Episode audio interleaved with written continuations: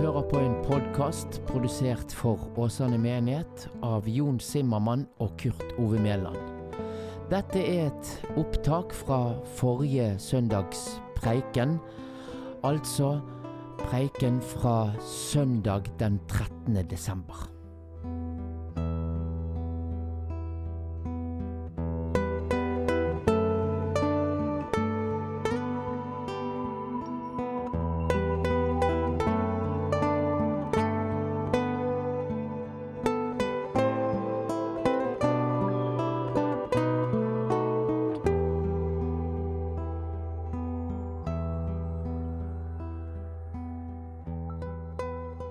Dagens hellige evangelium står skrevet hos evangelisten Lukas i det tredje kapittel.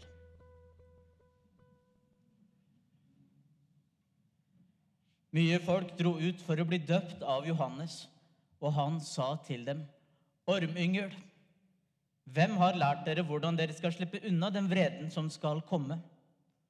Så bær da frukt som svarer til omvendelsen. Og begynn ikke å si til dere selv, vi har Abraham til far.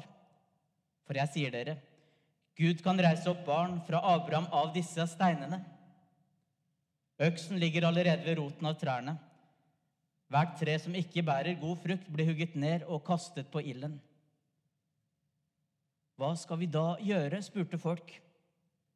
Han svarte, den som har to kjortler, skal dele med den som ikke har noen og den som har mat, skal gjøre det samme. Det kom også noen tollere for å bli døpt, og de sa til ham, Mester, hva skal vi gjøre? Krev ikke mer enn det som er fastsatt, svarte han. Også noen soldater spurte ham, Hva skal så vi gjøre? Og til dem sa han, Press ikke penger av noen ved vold eller falske anklager, men nøy dere med lønna deres. Folket gikk nå med forventning, og alle tenkte sitt stille sinn at Johannes kanskje var Messias. Da tok Johannes til orde og sa til dem alle.: Jeg døper dere med vann, men det kommer en som er sterkere enn jeg, og jeg er ikke verdig til å løse sandalremmene hans. Han skal døpe dere med Den hellige ånd og ild. Han har kasteskoveren i hånda for å rense kornet på treskeplassen. Hveten skal han samle i låven sin men agnene skal han brenne opp med en ild som aldri slukner. Dette og mye annet la han folk på sinne når han forkynte budskapet for dem. Slik lyder det hellige evangeliet.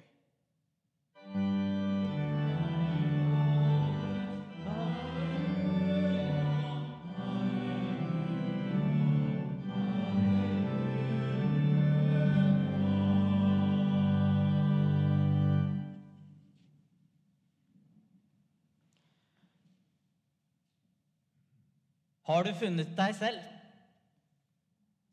Jeg mener selvfølgelig Har du sjekka hvordan du ser ut i skattelista i år? For det har nemlig vært det store temaet i nyhetsbildet denne uka her. Hvem er det som tjener mest i ditt område? Hvem tjener mest i vennegjengen? Her er årets rikingliste. Ja, er vi ikke heldige som har fått et verktøy for å sette hverandre i bås på den måten? Håper dere forstår ironien min. Men i fare for å virke altfor moraliserende og kritisk, så må jeg også si at det er bra at vi har et åpent samfunn hvor alle som tjener penger, også må vise til at de betaler skatt. Og I dagens prekentekst så er det døperen Johannes som får fokuset. Og jeg tror at mange så på Johannes som en ordentlig raring, der han står i ørkenen som den siste profeten før Messias. Johannes begeistra folk, men han var også tøff i sin retorikk. Det står at mange kom til ham for å la seg døpe. Og han la ikke noe imellom når det kom til å forkynne loven.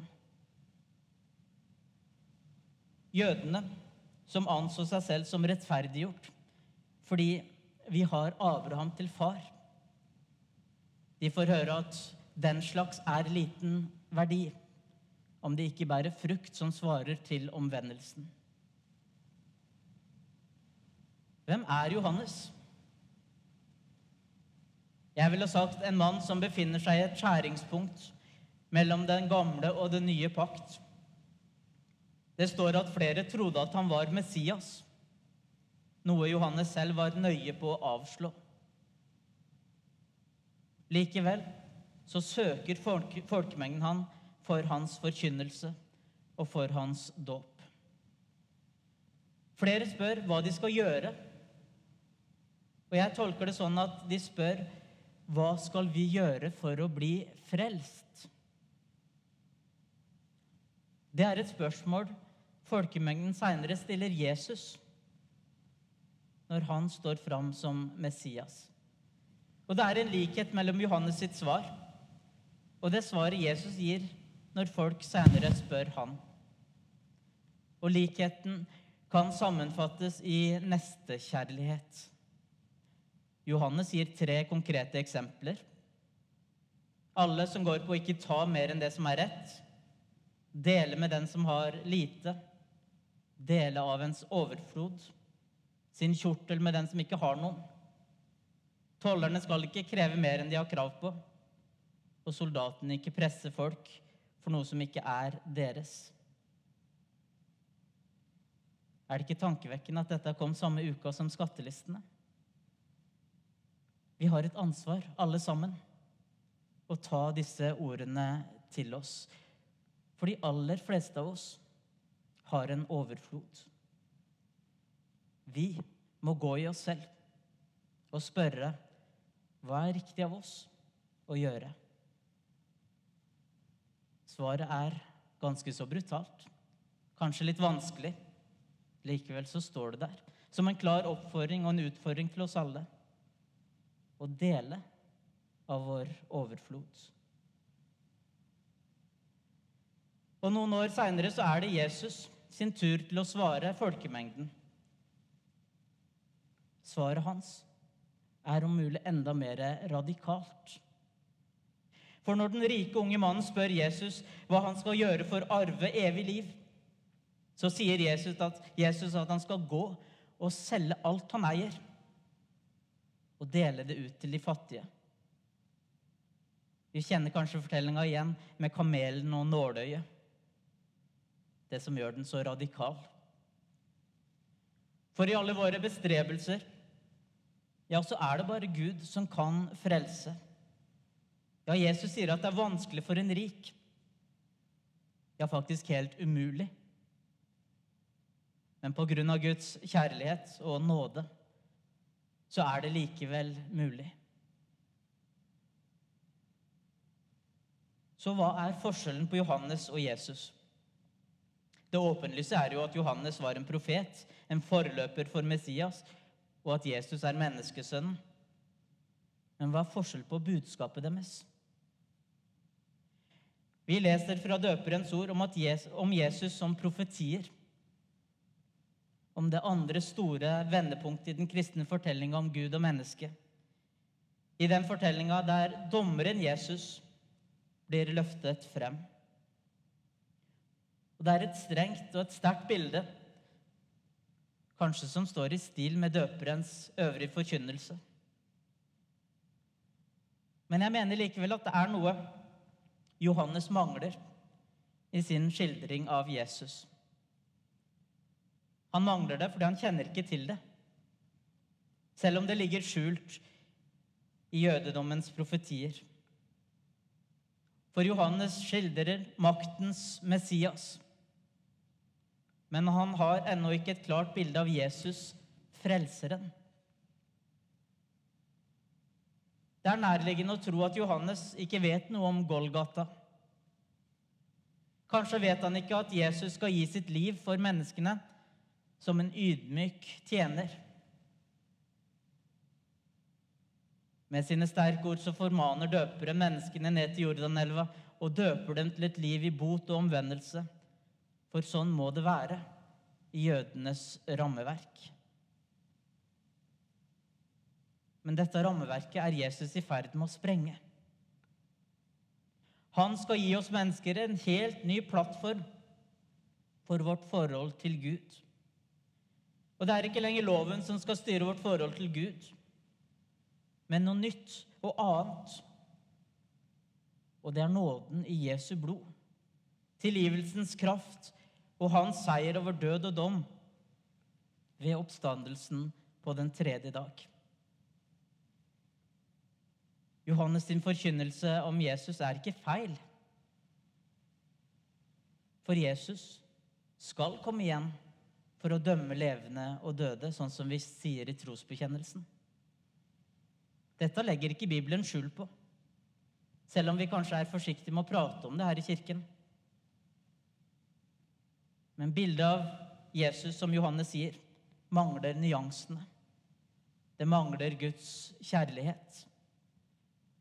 Og bildet av maktens Messias er malt med kunnskapen om loven, om det skrevne ord, som var og fortsatt er vitale i den jødiske frelsesforståelsen. Men gjennom inkarnasjonen, når Gud blir menneske, ja, så blir selve ordet menneske. Johannes forsto stykkevis. Han talte profetisk stykkevis, slik alle som ikke har erfart kraften i Guds kjærlighet gjennom Jesus Kristus, gjør. Og når han en tid seinere ender sitt liv i fengsel, forlatt, ja, så er det også en mann som har fått la tvilen få et rom i livet sitt. Johannes er nødt for å vite, for Jesus, han fremstår ikke som maktens Messias når han blir en av oss. Johannes må vite. Han sender ut sine disipler og spør er du han som skal komme, eller venter vi en annen? Og Denne store kontrasten er det ikke lett å hoppe over i hans ettermæle. Jesus gjør ikke noe forsøk på å sette han fri fra fangenskapet sitt. Men likevel så setter Jesus Johannes fri. For Jesus var slår all tvil til side. Og han løfter frem Johannes som den fremste som er født blant kvinner. Den nye Elia. Profeten som rydder vei for Guds sønn. Og til slutt hva betyr alt dette for oss? Hvilke ord skal vi sette vår lit til? Vi kjenner jo og veit med sikkerhet at maktens Messias ikke er fiksjon. At Jesus skal dømme med rettferdighet. Men vi kjenner også til hans frelsende død, hans oppstandelse. Jeg tror at alt vi kan gjøre, er å klamre oss til korset. Klamre oss til håpet og troen på at Gud har gjort alt for oss. For når kornet skal bli renska på treskeplassen, ja, da er det for seint å sette sin lit til noe som helst annet.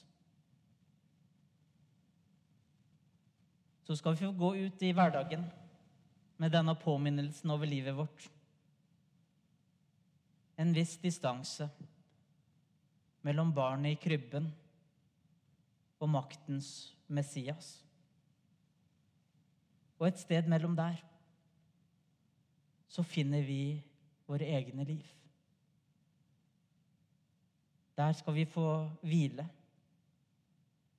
i ordene som Jesus selv sier ta imot når han møter sine etter oppstandelsen.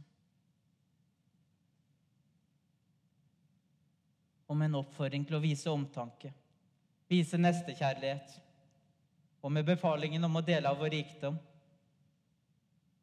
så får vi også lov til å ta imot Han som kommer. Han vi venter på nå i adventstida stole på at han bringer med seg fremtid og håp. Ære være Faderen og Sønnen og Den hellige ånd, som var, er og blir en sann Gud fra evighet og til evighet. Amen.